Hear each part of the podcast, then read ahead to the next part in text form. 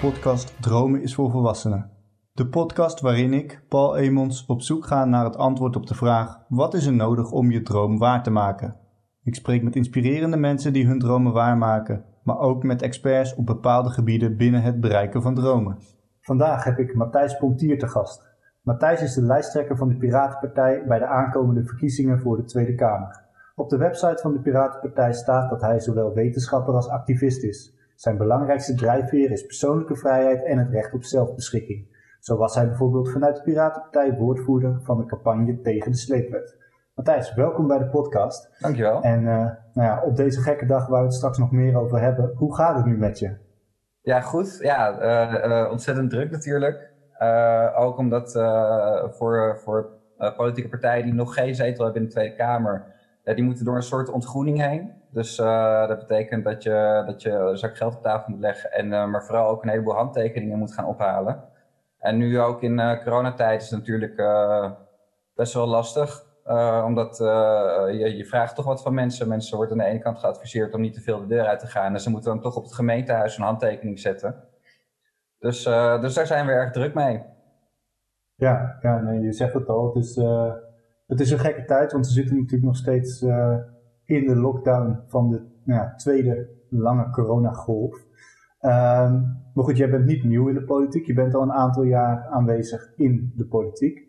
Wat heeft gemaakt dat jij die politieke kant op bent gegaan? Um, ja, dat is denk ik begonnen uh, na de aanslagen van de Twin Towers. Dat ik, dat ik toen echt wel uh, geïnteresseerd raakte in politiek.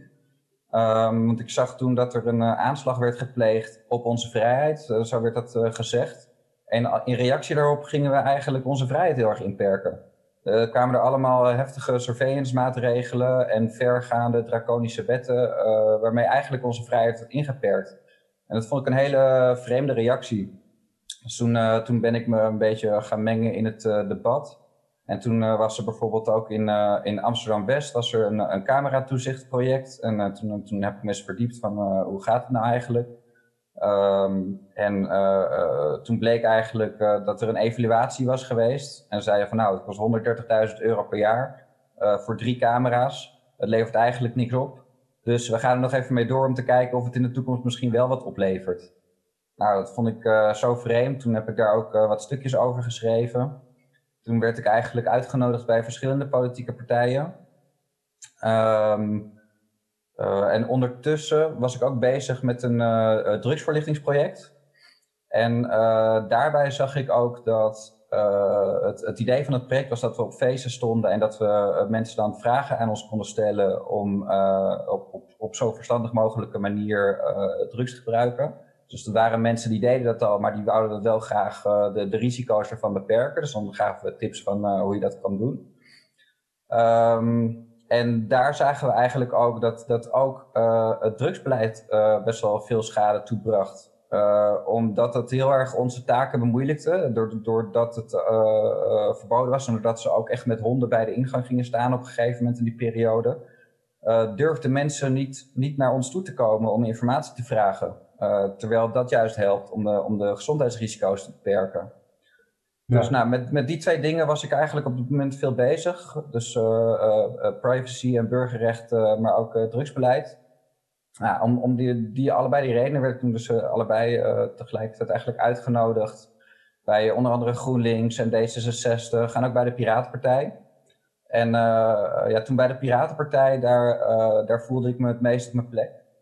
Sowieso omdat ze daar echt het, het meeste inhoudelijke overeenkomsten hadden. Dat het echt heel duidelijk was dat het daar ook heel erg erom draaide. juist die bescherming van die burgerrechten en een, een verstandig beleid. Maar vooral ook dat, dat de Piratenpartij intern zo democratisch georganiseerd is. Dat um, in mijn ogen gaan dingen vaak verkeerd als een klein groepje mensen heel veel macht krijgt over anderen. En dan zie je heel vaak dat ze toch ook met de beste bedoelingen, maar dat ze dan ja, ook de baas gaan spelen over mensen. En dat er dan niet altijd meer de, de, de beste inhoudelijke beslissing wordt genomen. Uh, maar dat het bijvoorbeeld ook te maken heeft met uh, uh, hoe, ja, wat je positie is in je machtsstructuur en of je idee de top bereikt, is dan ook afhankelijk van hoe aardig je wordt gevonden door die mensen aan de top. Ehm, en bij de Piratenpartij had ik de, dat, dacht ik van dat is de enige partij die dat ook echt goed snapt. En die dus ook intern uh, heel erg horizontaal georganiseerd is. Dus uh, iedereen die een goed idee heeft en die, die wat medestanders vindt, die kan het heel erg laagdrempelig gaan doen. Uh, zonder dat je eerst door een hele hiërarchie heen moet. Dus ja, toen ben ik daar eigenlijk actief geworden ook. het doet mij vooral denken aan dat boek van George Orwell van Animal Farm. Van ja. de meeste, of alle dieren zijn gelijk, maar sommige dieren zijn gelijker dan andere. Ja, ja dat is helemaal mooi inderdaad, ja. ja. Um, even terug naar wat je net zei hè, van de aanslag van de Twin Towers. Dat was eigenlijk voor jou uh, ja, die, die vonk die bij jou de politieke carrière eigenlijk heeft gestart in basis. Um, dan hebben we het over 2001. En ja. ik weet ook nog goed dat uh, ik heb, nou ja, tijdens geschiedenis live op nog zo'n oude beeldbuis gezien dat er twee vliegtuigen in die torens vloog. Ja. Um, in welke levensfase zat jij doen? Want ik zat in de brugklas. Uh, ik zat toen uh, op de middelbare school, maar ik was wel wat verder. Ik was toen uh, 16 en toen zat ik in de zesde. Oké, okay, dus je bent dan ook wel een vrij vroege leerling. Ja, ik heb een klas overgeslagen. Oké, okay. ja. Nee, dan, ik dacht, want volgens mij zijn we redelijk generatiegenoten, om het zo te zeggen. We schelen niet superveel jaar. Nee, niet superveel inderdaad. In ieder geval allebei op dezelfde, of allebei op de middelbare school toen. ja. ja. Ja, en toen heb jij eigenlijk, eh, maar dat, toen was je dus eigenlijk al bewust van al die dingen die je net noemde met vrijheidsbeperkingen, privacy en dat soort dingen. Ja, nou, ja, en juist in die periode werd ik getriggerd inderdaad, omdat er toen natuurlijk heel veel speelde en in één keer heel veel uh, veranderingen waren op een gebied uh, ja, wat ik zelf heel erg interessant vond. Toen, uh, ja, toen zat ik ook een beetje op, op, op internet in het begin te discussiëren en ja, zo, zo is dat toen eigenlijk ontstaan, ja. Ja, ja, en je gaf net ook aan dat je bezig was uh, met dat project rondom drugs, dat jullie op festivals stonden en dergelijke. Ja, Unity Drugsvoorlichting heet dat. Sorry, hoe heet dat? Dat heet Unity Drugsvoorlichting. Daar ben ik lang vrijwilliger geweest, ja. Oké, okay, en wanneer was dat ongeveer? Welke jaren moeten we dan aan denken? dat is vanaf 2004 volgens mij geweest. Dat was uh, toen, ik, toen ik net studeerde, het tweede jaar studie of zo, zoiets ben ik daarmee begonnen. Oké. Okay. En eigenlijk zowel dat project rondom dat verantwoord drugsgebruik als privacy kwam echt vanuit persoonlijke interesse. Dat je dat ja, interessant en belangrijk vond. Ja, ja, klopt. Ja, met het, uh, met het uh, drugsvoorlichtingsproject was het ook omdat ik een aantal mensen de, die kennen, die deden dat ook. En ik ging zelf ook wel eens naar een festival of naar een feestje. En nou, ik vind het natuurlijk ook zelf belangrijk dat als mensen drugs gebruiken, dat ze dat op zo'n verstandig mogelijke manier doen. Dus mm -hmm. nou, toen, toen ben ik daar vrijwilliger geworden inderdaad. En toen, uh, toen later dat, dat ik vanaf daar ook uh, uh, meer de focus op beleid ben gaan leggen, dat is dan wel weer een paar jaar later gekomen. Omdat er toen, toen kreeg je ook dat hele zero tolerance beleid. En nou, dat was qua gezondheid gewoon heel erg schadelijk. Je zag ook, wat ik net al zei, dat, het moeilijker, dat mensen moeilijker hulp vroegen. Maar ook dat mensen in de rij al, al een drugs in stonden te nemen, omdat ze dachten van ja, straks moeten we langs die honden, dan kunnen we het beter alvast op hebben. Nou, dat is, dat is qua gezondheid natuurlijk niet de meest verstandige keuze. Nee, precies, want je, had het net inderdaad over dat het heel schadelijk was en dergelijke, maar dan bedoel je eigenlijk dat de schade vooral kwam uit uh, ja, onverantwoord drugsgebruik. Ja, eh, je, je kan de, meeste middelen kan je natuurlijk prima op een, op een relatief gezonde manier gebruiken. En dat, dat, uh, bij, bij alcohol vinden we dat redelijk normaal, dat je af en toe een glaasje drinkt. Nou, alcohol is een van de meer schadelijke drugs van alle drugs die er bestaan. Alleen uh, is omdat er op sommige drugs meer een taboesfeer is, uh, uh, ja, zie je ook dat er juist dan daardoor risico's kunnen ontstaan. Of doordat mensen er gewoon ook door die taboesfeer onvoldoende kennis hebben. Dus nou ja, Goed, het gaat in Nederland dan wel redelijk goed. Hè? Zeker als je in andere landen is dat wel een stukje erger. Maar dat komt juist door dit soort product, projecten. Die, uh, die, de, die, de, kennis onder de, onder de mensen die het leuk vinden om wel eens een keer een pilletje te slikken, om, om uh, ja, die kennis te verhogen en te zorgen dat mensen dat op een zo veilige en verstandige manier kunnen doen. Ja, ik denk dat het alleen maar goed is dat uh, ja, er over heel veel dingen zoveel mogelijk kennis beschikbaar is, zodat je zelf een goede overweging kan maken van wat is verstandig om te doen. Ja. En nou ja, als natuurlijk een bepaald gedeelte van de kennis dat die er niet is, dan wordt dat heel lastig. Ja. Ehm, in de voorbereiding op uh, dit gesprek heb ik wat onderzoek gedaan. En nou, een van de dingen die naar voren kwam is dat jij privacy heel belangrijk vindt, net als persoonlijke vrijheid, uh, de hervorming van het auteursrecht en democratische vernieuwingen. Ja. Uh, ja, toen ik dat las, dacht ik: oké, privacy snap ik. Ik heb wel een achtergrond in de gezondheidszorg, dus ik snap dat privacy belangrijk is. Persoonlijke vrijheid snap ik ook, want het lijkt me niks als je, ook al zitten we natuurlijk in de lockdown, dus er is wel wat beperking in je persoonlijke vrijheid. Maar ja, wat mij betreft is dat niet meer dan logisch gezien eh, de gevolgen op dit moment. Maar waar komt dan jouw interesse vandaan? Want ja, toen ik, uh, ik heb er nog nooit echt zo erg bij stilgestaan. Um, nou, die, die privacy is natuurlijk ook heel erg duidelijk gekoppeld. Uh, en die persoonlijke vrijheid, uh, dat zit misschien ook wel een beetje in mijn natuur. Dat ik, ik hou ook gewoon van vrijheid. Uh, en ik hou er ook van om onbespied door het leven te kunnen gaan. En het was natuurlijk ook wel een reactie op die Twin Towers aanslagen. Dat ik een, een, een soort verandering in de, in de maatschappij zag. Waarvan ik dacht van ja, maar nu bewegen we helemaal de verkeerde kant op. En weet je wel, je hebt, je hebt een soort van... Democratie is in mijn ogen iets gradueels. En dan heb je aan de ene kant heb je een, een vrije democratie waarin je onbespied je gang kan gaan en dat de, de, de overheid juist heel erg transparant opereert. En dat je daar ook uh, heel veel zeggenschap over hebt op het beleid. En aan de andere kant heb je een soort van dictatuur waarbij de overheid eigenlijk ja, onbespied te werk gaat. Dus ja, zeg maar in, in dichte gebouwen ziet en, vergaderingen niet openbaar zijn. En allerlei beslissingen maakt. En dat de bevolking daar niks over heeft te zeggen. En dat de overheid om de bevolking onder controle te houden wel de bevolking massaal kan controleren met, met allerlei surveillance systemen.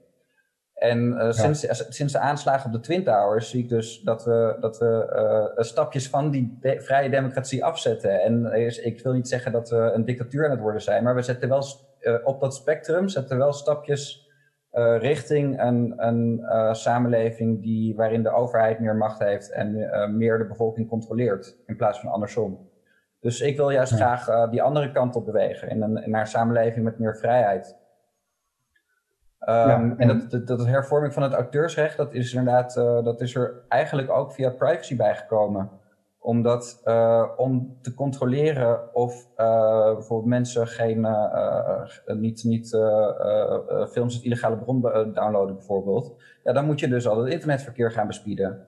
En dan, dan wordt dus ook de vraag van ja, waar, wil je burgerrechten opgeven voor zo'n belang? En toen kwam ik erachter van, maar er zijn nog een heleboel andere goede argumenten. Want eigenlijk zijn er ook, zeker door het internet, zijn er veel betere verdienmodellen denkbaar. Waarbij artiesten direct dingen die ze produceren kunnen verkopen aan mensen. En dat er helemaal geen, geen uitgever met een leger aan advocaten tussen hoeft te zitten. En als je mooie dingen maakt, zoals bijvoorbeeld muziek of films of wat anders, dan kan je ook al het geld wat er zeg maar uit verkoop komt, zou je ook gewoon direct aan de artiest kunnen geven of direct aan de maker. En nu gaat vaak voor meer dan 80%, en soms zelfs meer dan 90%, gaat naar een, een, een, een uitgever of een leger advocaten, wat eigenlijk hun energie niet steekt in het maken van mooie kunst, maar om het bouwen van een hek om die kunst heen. Om dan vervolgens bij de toegangpoort geld te kunnen vragen. Nou, en als, als, je, als je zoveel meer uitgeeft aan het hek dan, dan aan, aan de kunst waar het eigenlijk om draait, dan denk ik dat je geen handig verdienmodel hebt. Nee, maar later, uh, later werd dat uh, uh, nog erger, omdat ik ook ja, wetenschapper werd. En dan, toen merkte ik dat ik met nou, van, van belastinggeld voor een groot deel was ik onderzoek aan het doen, wetenschappelijke, wetenschappelijke artikelen aan het schrijven. En dan zo'n uitgever, die ging mij uh, vragen om vrijwillig allerlei uh, artikelen van anderen te peer reviewen. En vaak moest je dan nog betalen om, om gepubliceerd te mogen worden.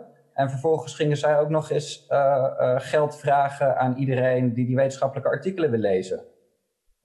ik vond het best wel een, een maf verdienmodel van zo'n van zo'n uitgever. En, en ik dacht van nou, volgens mij kan iedereen prima zelf gewoon zijn artikelen online zetten. En zou bovendien alle kennis die we produceren met z'n allen in de wetenschap, die zou voor iedereen toegankelijk moeten zijn. Zeker als het van belastinggeld wordt betaald.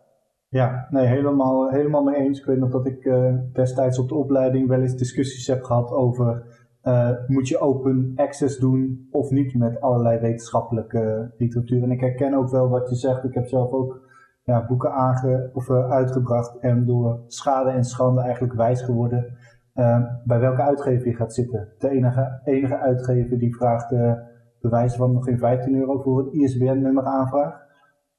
En dat is dan eenmalig en klaar. En de volgende die vraagt 200 euro per jaar.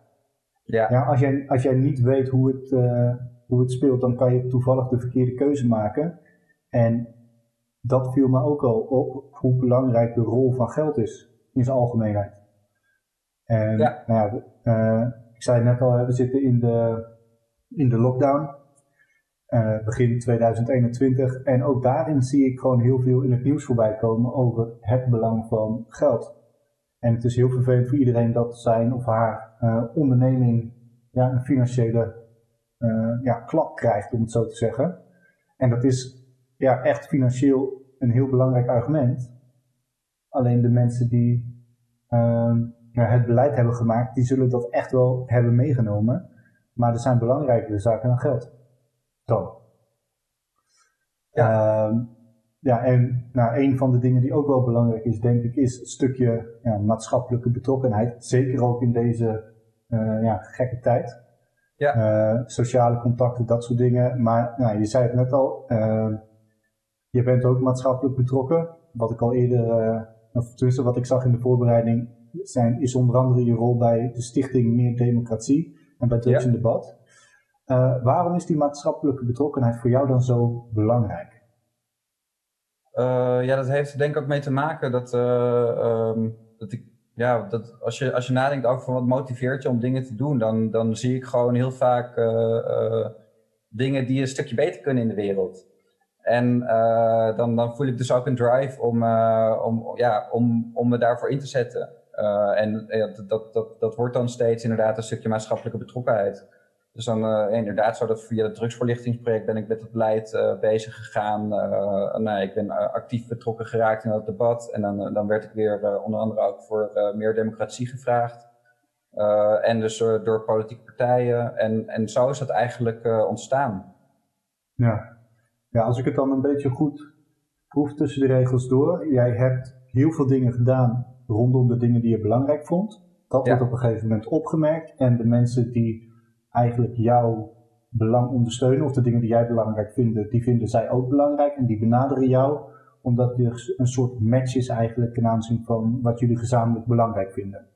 Ja, ja, vaak gaat het wel zo. En soms dan, uh, dan kom je ook mensen tegen en dan denk je van, oh maar uh, wacht eens even, we hebben hier best wel uh, dezelfde doelen. En dan, en dan maken ze afspraken en dan komt komt daaruit dat je best wel goed samen kan werken. Dat, daar hou ik ook altijd wel van.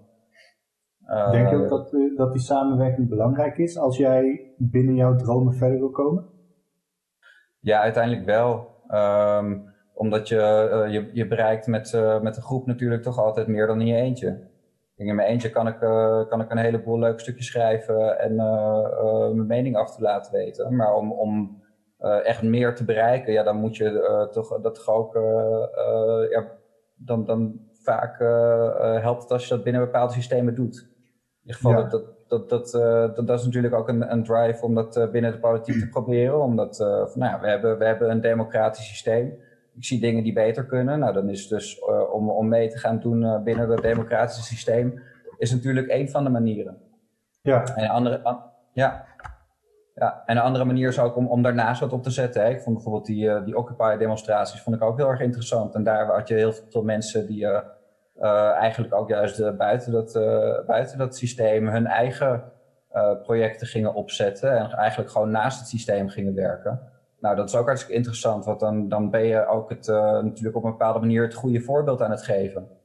Ja, en ja. sowieso kan je dan dingen bereiken zonder dat je je druk hoeft te maken om, om bijvoorbeeld een bepaalde bureaucratie, waar ik, waar ik me ook wel eens druk over maak, Ehm, en nou omdat je dus het goede voorbeeld geeft, kan het ook nog zo zijn dat mensen die toch in dat systeem zitten ook weer die connectie weten te maken. En dat, dat die gaan wijzen van, hey, kijk eens wat die mensen daar doen. Daar gaat het hartstikke goed, dus dat moeten wij toch in de rest van de samenleving ook kunnen.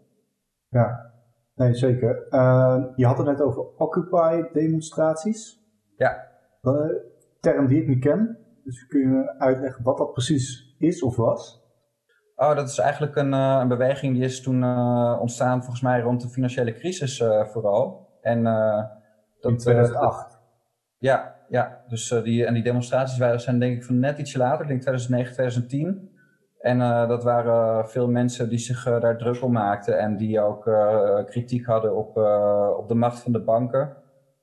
Um, ja, en die, die ook heel erg bezig waren, ook met, met democratische vernieuwingen. En het was ook een, soort van, een soort van anarchistisch tintje zat er ook aan.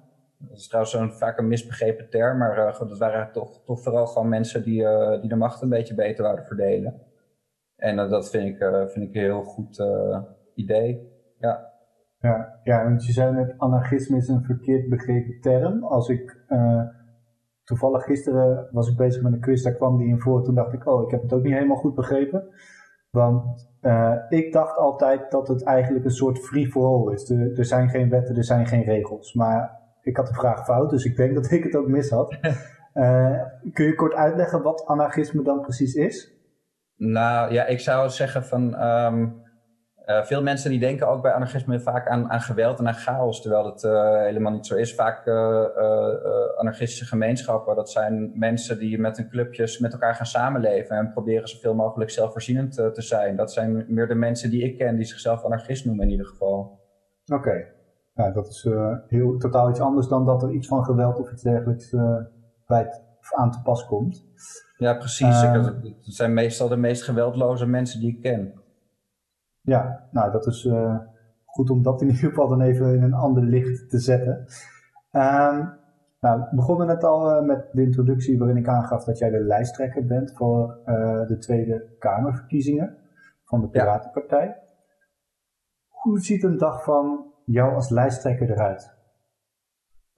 ja, dat verschilt ook door, de, door de campagne heen. Uh, ik ben natuurlijk ook wel eens eerder lijsttrekker geweest. Maar het, het worden, op een gegeven moment worden het steeds meer media-optredens ook. Um, en voor gedeelte ben ik benieuwd hoe het nu gaat gaan, omdat we ook in lockdown zitten natuurlijk. Normaal gesproken was het ook heel erg veel debatten in zaaltjes. En volgens mij worden het nu ook steeds meer digitaal. Dus ik, ik, heb dat, ja, ik heb wel digitale meetups meegemaakt, maar nog niet echt digitale politieke debatten. Dus uh, ik ben ook heel erg benieuwd hoe dat gaat gaan. Maar uh, ik, uh, het lijkt me wel interessant. Ik vind het wel altijd leuk ook, politieke debatten, om dat te doen. Dus, dus dat is wel interessant. Ja, en wat ik zei, we zijn nu dus heel erg druk bezig met die handtekeningen. Dus nu ben ik eigenlijk de hele tijd iedereen berichtjes aan het sturen en, en aan het bellen. Van hey, kan, je, kan je ons helpen met zo'n handtekening? Want ja, je moet dus toch mensen vragen om naar het gemeentehuis te gaan. Dus ook mensen die luisteren, je kan naar piratenpartij.nl gaan. Dan zie je bovenaan zo'n dikke banner en dan uh, staat er H4-formulier. En daar vind je dan dat formulier met een duidelijke uitleg. Even printen naar het gemeentehuis. Dan moet je hem onder het oog van een ambtenaar tekenen. Je zet er dan een stempel op en dan, uh, dan mag dat formulier weer naar ons. Dat kan dan of digitaal of, uh, of via de post. Klein stukje, klein stukje reclame hier, zo, zodat jullie wat meer handtekeningen kunnen verzamelen. En ik dacht net wel van, uh, toen je het had over die uh, online debatten. Het is natuurlijk heel fijn als je, uh, nou, degene met wie je debatteert gewoon makkelijk op mute kan zetten. Zodat ze niet zoals toen in Amerika bij het debat tussen Trump en Biden lekker door elkaar heen gaan schreeuwen, om het zo te zeggen. Ja. Ehm, nou ja, en als we, stel dat mensen dit, deze podcast over een aantal maanden, jaren luisteren, dan ja, het is een hele gekke tijd waarin we zitten. We hebben het al gehad over de corona-lockdown. We hebben vorige week de bestorming van het kapitool gehad in Amerika. En vandaag de dag is kabinet 3 Rutte gevallen. Vanwege de toeslagenaffaire. Net nog heel even daarover gelezen dat privacy in deze affaire ook wel een belangrijke pijler was. De gemeente Amsterdam gaf uh, gedupeerde uh, eigenlijk, meesten gaven aan dat ze gedupeerden niet konden helpen als gevolg van privacy. En we hebben het natuurlijk al een tijdje over privacy. Uh, de privacy was gewaarborgd in die situatie omdat de gegevens van die mensen niet automatisch gedeeld werden. Maar ehm, ja, het had eigenlijk een negatief effect. Want daardoor kwamen mensen steeds verder in de schulden en dat soort dingen. Hoe belangrijk uh, is voor jou die privacy als je het hebt over het bereiken van dromen en dat soort dingen? Om eerlijk te zijn, in, uh, in dit geval vond ik dat privacy echt misbruikt werd als argument. Uh, dat zie je wel eens vaker, dat als de overheid eigenlijk bepaalde dingen gewoon niet zo zin in heeft, dan, dan omdat privacy toch ook steeds al, dat, en dat is weer een goed ding, het wordt wel steeds belangrijker gevonden. dat ze dan zeggen van ja, vanwege privacy mag dit en dat niet. Terwijl in, in veel gevallen mag dat wel. Kijk, deze mensen die zouden daar heel erg geholpen mee zouden zijn. Uh, die die uh, willen zelf natuurlijk ook wel een berichtje krijgen over uh, dat, ze, dat ze beter geholpen kunnen worden. En daar, daar was, was een prima oplossing voor te vinden. Bijvoorbeeld door die mensen even toestemming te vragen. En dan ging het erover van, ja, wie moet die toestemming precies vragen? Nou, dat moet dan degene doen die die gegevens al heeft. Maar daar, had, daar moest volgens mij in dit geval de gemeente moest even contact opnemen met de Belastingdienst of andersom. Dat, dat een van die twee, in ieder geval degene die de gegevens al had, gewoon een, een, vraag stelde van hey, mag je gemeente contact met jou opnemen over het toeslagendossier, zodat je beter geholpen kan worden. Hadden ze echt ja. wel ja gezegd, de meeste. En dan was alsnog de privacy gewaarborgd als mensen echt dat, dat niet meer wilden. Ja, en precies. wat, wat eigenlijk belangrijker... Wat zeg je? Je had uh, als het ware een opt-out van oké, we, uh, we, willen je, we hebben je privacy gewaarborgd. Maar als je wil dat wij jou helpen voor dit stuk, vink even dit aan of zet hier een krabbeltje, dan gaan we dat regelen. Ja, eigenlijk een opt-in. Je, je, stelt mensen ja. een vraag van hey, mag, mag de gemeente jou benaderen uh, over je toeslagendossier? En dan had het gewoon opgelost kunnen worden. Um, maar wat, wat ik eigenlijk belangrijker vond, is dat, uh, dat überhaupt het hele schandaal ontstond. Dat kwam weer door, door een privacy schending in feite.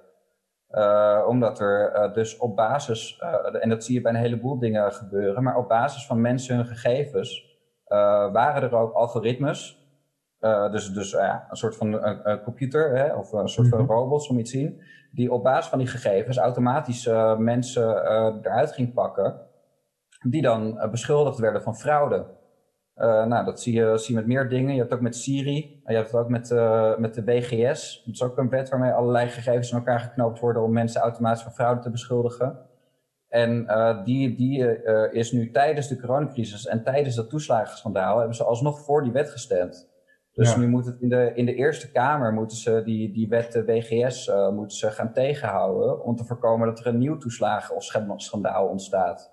Ja. Precies. Wat je, wat, je dan, wat je dan veel beter kan doen, is uh, uh, voorkomen dat dit soort wetgeving überhaupt kan ontstaan door veel strengere eisen te stellen, bijvoorbeeld aan het uh, aan elkaar knopen van gegevens voor dit soort situaties. Maar ook aan die algoritmes die, die, die op basis van die informatie mensen automatisch van fraude gaan beschuldigen. Ja. dat zou eigenlijk veel transparanter moeten, dus dat je kan zien waar, waarop wordt er nou geselecteerd als, als je mensen van fraude gaat beschuldigen.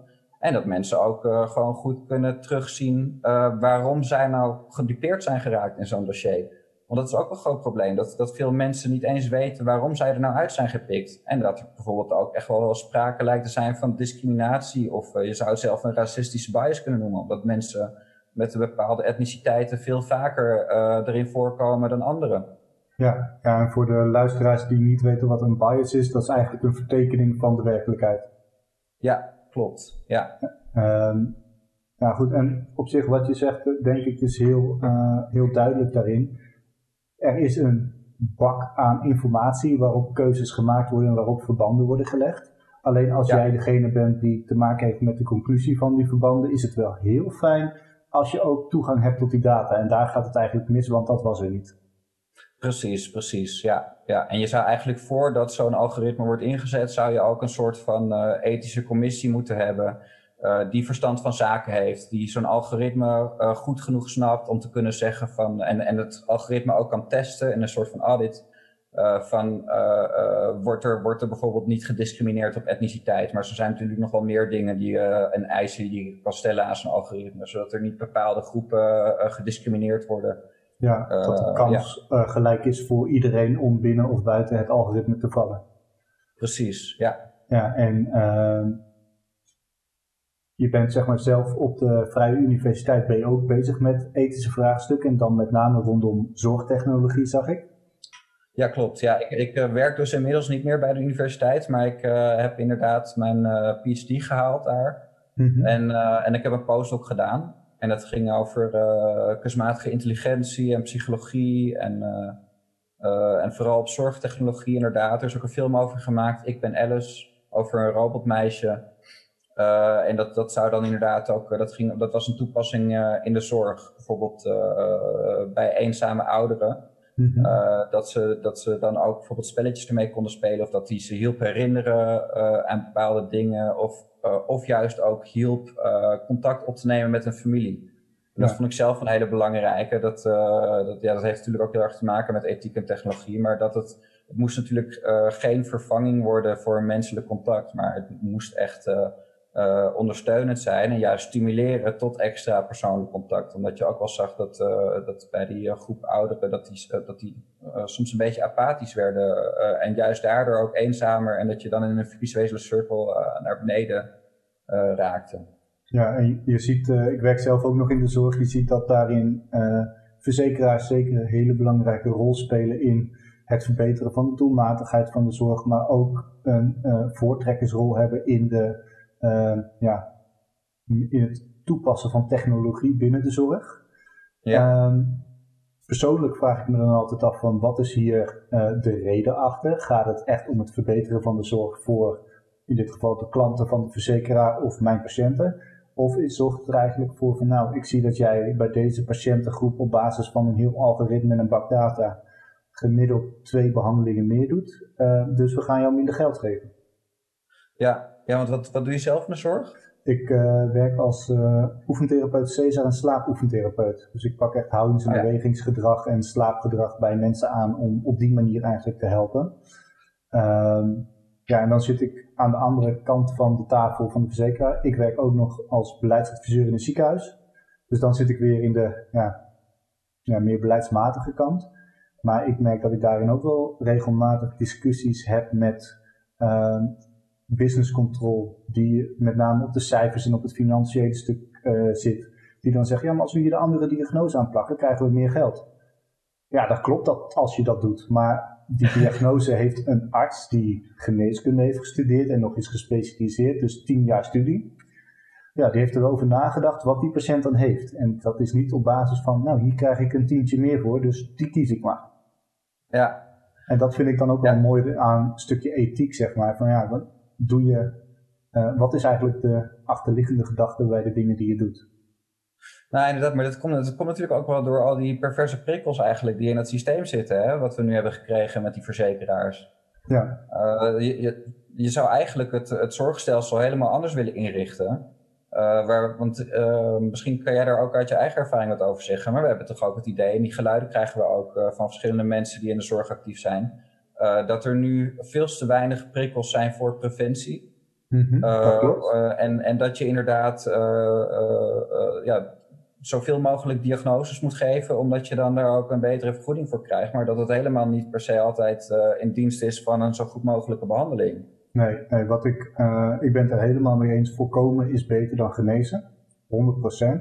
Nu, en ik denk dat we daarin ja, elkaar de hand kunnen schudden als je geen klachten hebt, dan ga je niet naar het ziekenhuis of naar een therapeut toe. Dus vaak ja, heb je het al niet voorkomen voordat je ergens uh, bij een therapeut komt. Ja. Uh, maar je ziet dat verzekeraars, naar mijn idee, met name kijken naar hun financiële huishouding. En ja. als je dan kijkt van waar zitten de grootste kostenposten in de zorg, dan is dat bijna in elk land en overal is dat medicatie. Met name de ja, de dure geneesmiddelen zoals oncologische medicatie en dat soort dingen.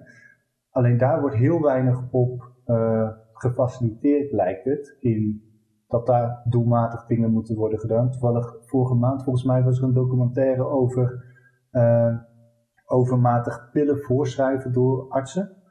Uh, ja. Waarbij gewoon letterlijk soms voor 5000 euro in de week de prullenbak in gaat, omdat het aan de patiënt is meegegeven, terwijl die patiënt dat niet nodig had. Nou, waar dan verzekeraars wel controle op kunnen uitoefenen, is bijvoorbeeld de paramedische zorg, waar ik zelf ook in werk. Met daarin die behandelindex, wat ik net zei, van zoveel behandelingen per diagnose. En zit je erboven, dan doe je het slecht. Terwijl, ja, ik heb liever, wat altijd mijn insteek is, ik wil een patiënt maar één keer zien. Dus stel je hebt rugklachten, dan vind ik het prima om een behandeltraject met jou te doen. Van x aantal behandelingen. Maar als we het behandeltraject uit of afsluiten, wil ik jou nooit meer voor deze klacht kunnen tegenkomen. Ja. Is natuurlijk nooit 100% dicht, maar daarin weet ik wel van oké, iemand is in staat om zijn eigen therapeut te zijn voor deze klacht. Ja. Ja, als jij ergens steeds een eh, pilletje instopt, gaat dat nooit gebeuren. Dus dan wil ik echt wel een stukje preventie hebben. Ehm, en ik denk ook binnen zorgtechnologie dat apps en dergelijke daar heel goed bij kunnen helpen. Maar dan komt het nog wel, en dan komen we eigenlijk weer terug bij het begin van waarom zit jij in de politiek, bij een stukje intrinsieke motivatie. Want als jij het niet belangrijk genoeg vindt om jouw bewegingsgedrag uh, bijvoorbeeld aan te pakken of een bepaald onderwerp aan te pakken, dan gebeurt het niet. Gerber van Driel die zei dat in uh, de vierde aflevering van de podcast.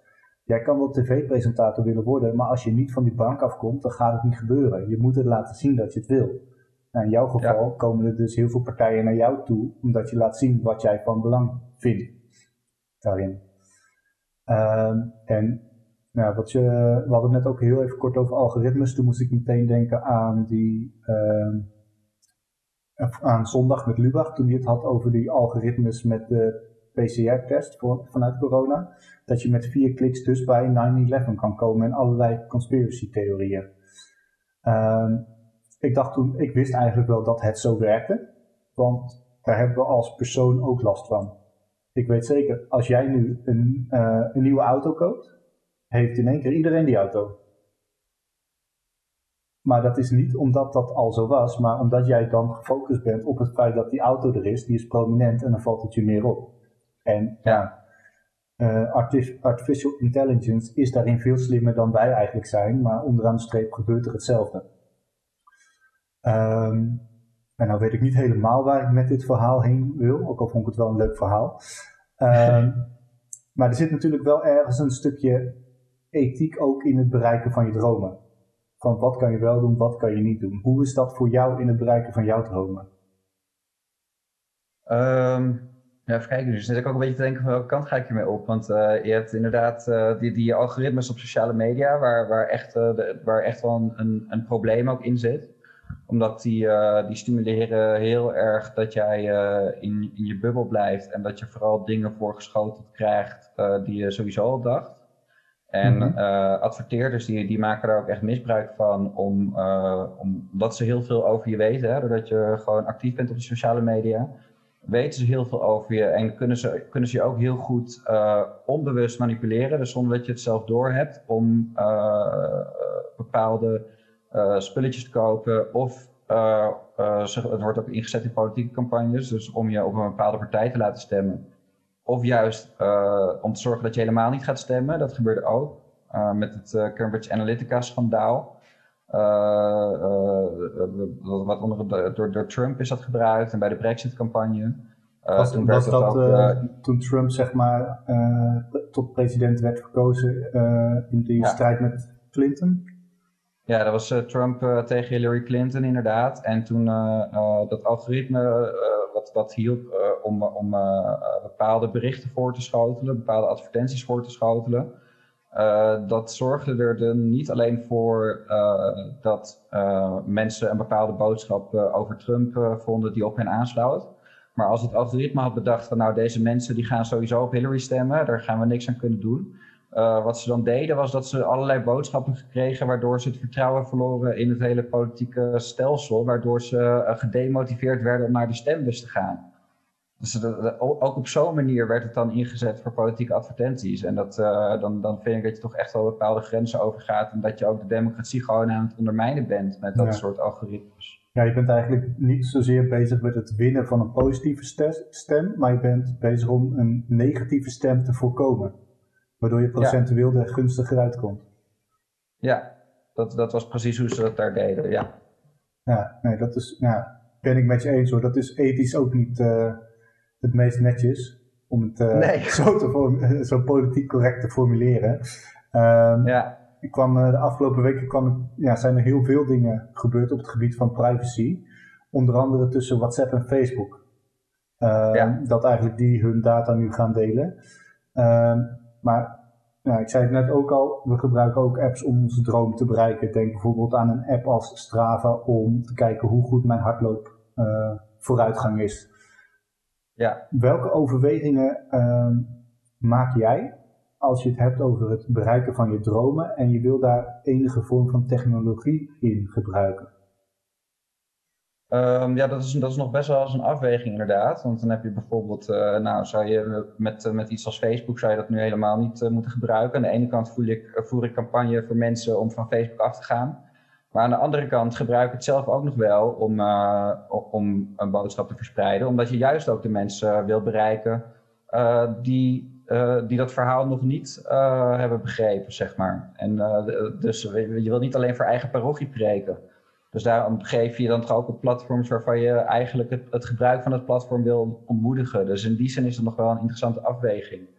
Maar ik raad dus mensen wel altijd aan uh, om uh, te kiezen voor, voor alternatieve platforms. Uh, waarbij gewoon beter rekening gehouden wordt met je privacy. het liefst ook die open source zijn. En er zijn vaak ook hele goede platforms te vinden. Ja. ja. Um, en in plaats van WhatsApp, hè, in dit geval, kan je, kan je ook gewoon kiezen voor Signal. Je zag nu volgens mij ook dat Elon Musk uh, had naar aanleiding van dat uh, datadelen tussen Facebook en WhatsApp, had hij ook een, uh, een oproep gedaan om naar Signal over te stappen. Ja. Nou, dat is gewoon een hele verstandige keuze. Het is ook als de, als de politie een keertje wat, wat opvraagt, dan bij Signal kunnen ze niet eens wat geven, omdat ze die informatie gewoon echt niet hebben. Nee.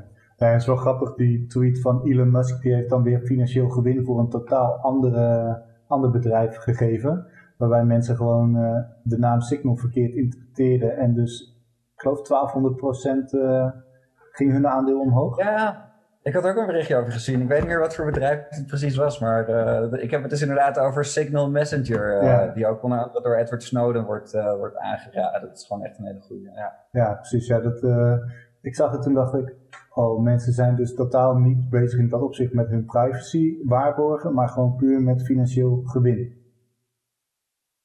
Uh, ja, weet ik niet zeker. Want, want eh, was het niet gewoon dat, uh, dat Elon Musk die oproep had gedaan en dat mensen per ongeluk bij een ander bedrijfje terechtkwamen wat ook Signal heette?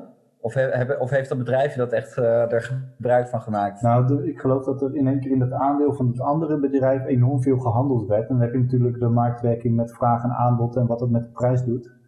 Ehm, maar ik geloof dat het bedrijfje misschien wel heette Activate Signal.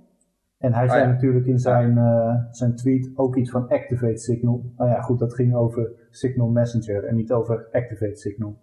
Ja, ja dat zou ook nog wel eens door algoritmes kunnen komen. Hè? Dat, uh, je hebt misschien ook wel een soort van uh, beurshandel-algoritmes die ook gewoon kijken naar van hoeveel wordt er over een bepaald bedrijf gepraat. En dat die algoritmes gewoon een beetje in de war raakten, omdat er Activate Signal in dat tweetje stond dan. En uh, dat ze automatisch je aandelen zijn gaan kopen. Ja, ja dat was... inderdaad, dat mensen opportunistisch bezig waren en ze dachten van, oh ja, ik heb het over uh, Signal en dat lijkt wel op dit bedrijf. Dus misschien gaan mensen het uh, wel meer vinden nu, ja. Ja, dat we hebben we natuurlijk ook bij de Bitcoin gezien toen een aantal jaar geleden. maar sowieso is dat wel een interessante van ja, hoeveel doe je zelf en hoeveel doet dus zo'n algoritme waar je niks van ziet? Hoe erg word je daarin beïnvloed? Ja, dus, dus uh, ik denk dat we daar nog uren over kunnen door filosoferen en discussiëren. Ja, zeker. Ja, de, ja, dit is ook een van de, van de onderwerpen waar ik wel eens gewoon uh, praatjes over geef of over gevraagd word, inderdaad. En dat, dat is ook een, eh, een heel mooi raakvlak tussen mijn wetenschappelijke werk en, en, en het politieke, inderdaad. Ja. Uh, van, vanuit de wetenschap uh, probeer ik die, die, die, discussie te voeren. En vanuit de politiek probeer ik regels te stellen. En, en pleit ik dus bijvoorbeeld voor die audits, voor die algoritmes. Ja, mhm. ja dat, dat lijkt me denk ik ook sowieso goed dat je een check en recheck kan doen op dat soort dingen. Ehm, ik kan me wel voorstellen, als ik jou nou, het verhaal tot nu toe een beetje samenvat, dat er dat het lastig moet zijn geweest om af en toe je motivatie te kunnen behouden. Want ik kan me voorstellen dat je heel veel muren bent tegengekomen waar je overheen of doorheen moest.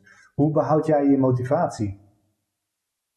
Um, Ja, ik denk dat, dat die, moeilijkheid erin, die heeft, ermee te maken dat je een, realistisch beeld moet ontwikkelen wat je kan bereiken en wat niet. Want uh, als je het over dromen hebt, hè, dan heb ik een, soort van droombeeld van een utopische wereld waar ik naartoe zou willen. Waarbij er uh, geen grote machtsconcentraties zijn, geen grote machtige bedrijven, geen grote machtige overheden, maar dat alles heel erg uh, bottom-up en in, in, een soort van coöperaties is georganiseerd. En vaak zo kleinschalig mogelijk, maar wel weer samenwerkend. Nou, dat, dat zie je juist ook in die, in die technische wereld. Zie je dat er ook een heleboel decentrale systemen bestaan. Dus technisch bestaan ze al, maar in de samenleving uh, nog niet. Terwijl je de samenleving ook uh, heel goed zo decentraal zou kunnen inrichten. Um, en als je dan uh, dingen wil veranderen, ja, dan, dan om gemotiveerd te blijven. En wat ik dus inderdaad in mijn omgeving ook wel eens mensen gefrustreerd zie raken. is dat, dat je dat droombeeld zo ver afstaat van wat je op korte termijn kan bereiken ja, dan, dan zie ik dus inderdaad af en toe wel eens mensen gefrustreerd afraken. En voor mezelf, om dus uh, gemotiveerd te blijven, om toch inderdaad me daarvoor in te willen blijven zetten. Dat betekent dat je, dat, je, dat je realistisch moet zijn over van, nou, dit is de wereld zoals ik hem voor me zie, zoals, zoals die zou kunnen zijn. En dit zijn de stapjes die we kunnen zetten om daar op korte termijn verbetering in te brengen, of als onderdeel van een meer langetermijn proces om, om naar verbetering toe te komen. En uh, dan toch ook richten op die, uh, op die kleine succesjes die je kan boeken. En dan, uh, nou, dan zie je toch dat je, dat je leuke dingen kan doen. Ja. bijvoorbeeld wat ik wel een interessante vond was in Amsterdam. Daar wilden we graag democratische vernieuwing bereiken toen we naar een zetel haalden in Amsterdam-West. Um, en ik dacht van, nou, dit is ook wel een van de dingen die we zouden kunnen bereiken. Want uh, er waren ook een aantal andere mensen die waren er best wel enthousiast over. En ook over de ideeën die we erover hadden en die we in het buitenland al lieten zien met de Piratenpartij. En uh, toen um, heb ik ook uh, een groep mensen uitgenodigd uit IJsland van de Citizens Foundation. die hadden daar een platform dat heet Better Reykjavik. En iedereen die een idee had hoe, de, hoe de stad een klein beetje beter kon, die kon het idee op dat platform zetten. Nou, dan kon je dat idee op hoog of omlaag stemmen. een beetje zoals op Reddit eigenlijk. En je kon ook argumenten ervoor of er tegen geven uh, in verschillende kolommen.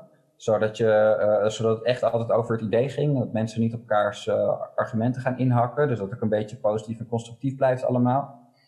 En nou, een heleboel mensen hadden daaraan meegedaan. En er waren allerlei goede ideeën uitgekomen. En nou, we zaten toen in Amsterdam-West. En ik dacht, nou, Rijkjavik is net zo groot als Amsterdam-West. Dus wat daar kan, dat moet, uh, moet hier ook kunnen, toch? Ja. Dus uh, nou, dat, dat, hebben we gedaan. En uh, daar is nu de stem van Best is eruit gekomen. En dat is eigenlijk ook hartstikke goed gegaan. En heel veel mensen hebben daar gebruik van gemaakt. En er zijn een heleboel leuke ideeën uitgekomen. En dat gaat dan over kleine dingen. Kleine dingen die, die mensen bereiken. Zoals bijvoorbeeld dat een bepaalde straat, die werd ingericht als groene straat. Of bijvoorbeeld ook dat kunstwerk voor burgemeester Van der Laan toen. dat is ook een, een, een idee wat daarop is ontstaan. En uh, ook vanwege dat succes is het dan uitgespreid uh, naar, uh, naar de andere stadsdelen ook. Dus nu heb je eigenlijk in elk stadsdeel heb je de stem van. Dus ook de stem van Oost en de stem van Centrum. En ook wel in een aantal andere gemeentes. Dus dan zie je dat je, dat je toch ook met, met eigenlijk kleine stapjes toch een, ook een, een soort van sneeuwbal in gang kan zetten om, om toch meer dingen te bereiken. Ja, ja wat je eigenlijk zegt, van je moet, het is goed om die stip op de horizon te zetten van hier wil ik uiteindelijk naartoe. Maar het is ook nog beter eigenlijk om die route daar naartoe al enigszins uit te stippelen met stipjes die veel dichterbij, veel ja, haalbaarder en realistischer zijn. Ja, inderdaad. Eigenlijk die, die stip op de horizon die is vooral belangrijk om, om uh, in beeld te houden van waar wil ik naartoe en waar doen we het voor. Uh, want ook de valkuil van die korte stapjes is weer dat je je heel erg gaat verliezen in die korte stapjes en dat je vergeet waarom je het eigenlijk doet. En dat zie je, dat, dat zie je in de politiek eigenlijk ook wel veel gebeuren hoor dat mensen daar met goede bedoelingen gaan zitten, maar dat ze dan zo gefocust zijn op de kleine dingetjes die ze kunnen bereiken en ook uh, daarin een bepaalde uitruil gaan doen. Uh, waardoor er uh, dan in het politiek systeem zoals we het nu hebben, soms ook dingen gebeuren waar een heleboel mensen helemaal niet voor zijn. Ja. Omdat, die, omdat die punten uitgeruild worden. En dan, dan krijg je bijvoorbeeld dat, dat een ChristenUnie in het kabinet zit en dat die dan bepaalde conservatieve standpunten heeft over abortus en euthanasie. En dat we daardoor toch ja, Terwijl een, groot deel van uh, uh, de meerderheid van het land wil toch de andere kant op. En dat er dan toch stapjes de verkeerde kant op worden gezet. Omdat zij dat heel belangrijk vinden en dat het dan toch uitgeruild wordt. Mm Ja, precies. Dan wordt er uh, maar, een beetje. Dan gaan we niet volledig naar links, maar naar rechts, maar dan zitten we ergens in het midden. En ja, polderen heet dat geloof ik. Dat je aan de ene kant wat eraf, aan de andere kant wat erbij. Op die manier. Ja, polderen kan, kan heel goed zijn hoor. Maar uh, het moet niet een soort van uitruil zijn waardoor je tot een compromis komt waar eigenlijk uh, niemand wat aan heeft. Want dat, dat is, dat is het, vaak het probleem. Dat er, dat er uitruil ontstaat en dat er ja, dan van oké, we doen dat wel, maar dan wel alleen op deze manier. Uh, waardoor je eigenlijk tot hele ineffectieve oplossingen komt. Ja. En wat dan beter werkt vaak, is dat je, dat, dat is trouwens ook een, een, een, een, uh, een ding waar ik heel enthousiast over ben, met van die burgertoppen of burgerfora of burgerberaad, er zijn verschillende namen voor. Maar dan gaat eigenlijk, uh, ja, nu is dat natuurlijk lastig, maar dan als coronatijd weer over is, dan gaan mensen bij elkaar in een zaaltje zitten. dat zijn hele verschillende mensen die samen een goede afspiegeling vormen van de samenleving. Mm -hmm. Die gaan dan samen praten over een probleem. En dan komen ze samen vaak ook tot een oplossing die eigenlijk voor iedereen goed werkt. Ja. En dat heeft dan helemaal niet te maken met een uitruil. Ze, gaan, ze zijn gewoon dan, je ziet dan dat mensen heel erg bereid zijn om naar elkaar toe te schuiven en, en naar elkaar te luisteren. Uh, als ze ook echt fysiek bij elkaar zitten en, en, samen tot een goede oplossing te komen. En een oplossing die, die dus voor iedereen werkt. Ja, ja nee, dat, uh, vaak zie je dat op het moment dat je in kleinere groepen iets kan bespreken, dat het heel goed voor een grotere groep ook echt uh, ja, een prima oplossing is. Um, ja, dat betekent daarin, als je teruggelijkt of terugtrekt naar waar de podcast over gaat, hoe bereik je je dromen, dat je als je mensen nodig hebt om verder te komen, dat je helemaal niet honderden mensen nodig hebt om verder te komen. Soms is één persoon gewoon genoeg om daarin verder te kunnen komen, om eventjes te sparren of uh, ja, je uit die ja, tunnel te halen van deze manier moet en hoort het. Ja, ja. Uh, stel nu, want we hebben het over stippen op de horizon. Stel dat wij elkaar over tien jaar spreken. Welke droom heb je waargemaakt? Waar sta je dan? Uh, nou, dan, dan, zijn we met de, met de piratenbeweging, uh, hebben we, uh, zitten we en in Nederland in de Kamer, maar ook in een heleboel andere landen. En dan zie je ook dat dat, dat, dat decentraal en bottom-up werken, dat dat echt veel meer onderdeel geworden is van het politieke systeem overal. Mm en dat, dat ICT eindelijk eens een keertje een beetje wordt serieus genomen. Um, en uh, dat, dat, dat we die technologie die we ontwikkeld hebben, dat we die dan ook inzetten, juist om uh, mensen van onderop beslissingen te laten maken. Zodat het niet ingezet wordt om mensen te onderdrukken, maar juist om, om mensen in hun kracht te zetten en mensen te ondersteunen om samen dingen te bereiken. Ja. Uiteindelijk het internet, we zijn, we zijn als Piratenpartij natuurlijk ook een beetje vanuit het internet ontstaan. En dat is, dat is een, een, een technologie om mensen met elkaar te verbinden. En uh, nu zie je dat het uh, vaak ingezet wordt om mensen in de gaten te houden en te onderdrukken. En ik zou het een heel mooi vinden als we, als we over tien jaar echt een, een verandering hebben doorgemaakt, waardoor die technologie zijn in gaat zetten om, om mensen te verbinden, om initiatieven aan elkaar te koppelen, zodat mensen elkaar beter kunnen helpen. En dat we uiteindelijk van onderop beslissingen maken en dat, er, dat er niet meer top-down dingen worden opgelegd door, door overheden of bedrijven. Want dan, dat, ja, dat is eigenlijk ook een terugkerend thema in bijna alles wat, ik, wat ik vind of wat ik zeg. Dat, als, je, als je van onderop mensen zelf beslissingen laat maken, dan komen er eigenlijk altijd betere beslissingen uit dan als je een, een groepje mensen veel macht heeft over de rest en de top-down gaat beslissen. Omdat vaak raken mensen dan toch een beetje in een soort van ja, tunnelvisie en, en groupthink terecht. Mm -hmm. dat, dat, dat ja, heb ik ook gewoon meegekregen uit psychologie, dat, dat mensen dan met de beste bedoelingen toch ja, slechte beslissingen kunnen maken. Ja, ja nee, dat, dat is denk ik wel interessant hoe dan het brein precies werkt en hoe je jezelf ook voor de gek kan houden natuurlijk. En ja. stel dat je dat dan naar individuele dromen zou koppelen. Zou dat dan ook bedenk, uh, betekenen dat op het moment dat jij dus met mensen afspreekt om te werken aan je dromen, ongeacht wat een droom is, hè, dat hoeft niet politiek te zijn, maar dat kan ook bijvoorbeeld een, uh, een mooie reis maken of een bedrijf opstarten of wat dan ook, dat je daarin iedereen als gelijke moet zien. Ja, zeker. Ja, ja, ja. Ja, ja ja, met reizen vind ik ook interessant, want ik, uh, ik hou heel erg van reizen. En ik denk ook dat dat uh, heel erg helpt om, uh, om meer van een afstandje naar de wereld te kunnen kijken.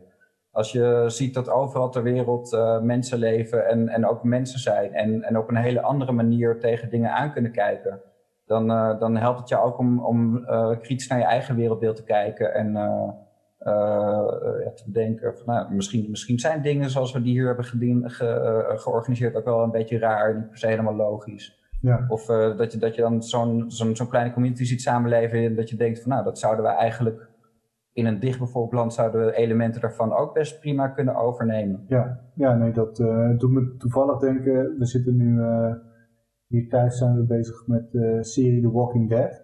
En daar heb je dat eigenlijk ook. Dat je gewoon bepaalde groepen hebt die dus samen als een soort kleine gemeenschap samenleven. Maar er zijn er ook weer anderen die alles willen overnemen. Je hebt dan binnen uh, die gemeenschap heb je altijd wel een bepaalde vorm van hiërarchie. Uh, maar ja, in het bereiken van dromen, wat jij ook eigenlijk heel terecht zegt, je moet met een open blik ernaar kunnen kijken. Dus je moet uit je, eigenlijk uit datgene wat je kent, als je je dromen wil bereiken, om ja, een, mogelijk een nieuwe route te kunnen vinden om naar je droom toe te gaan. Ja. Ja, nee, ik denk dat dat uh, sowieso veel stof tot nadenken kan geven daarin. Want eigenlijk is elke nieuwe indruk kan je dan weer plaatsen in een nieuwe situatie.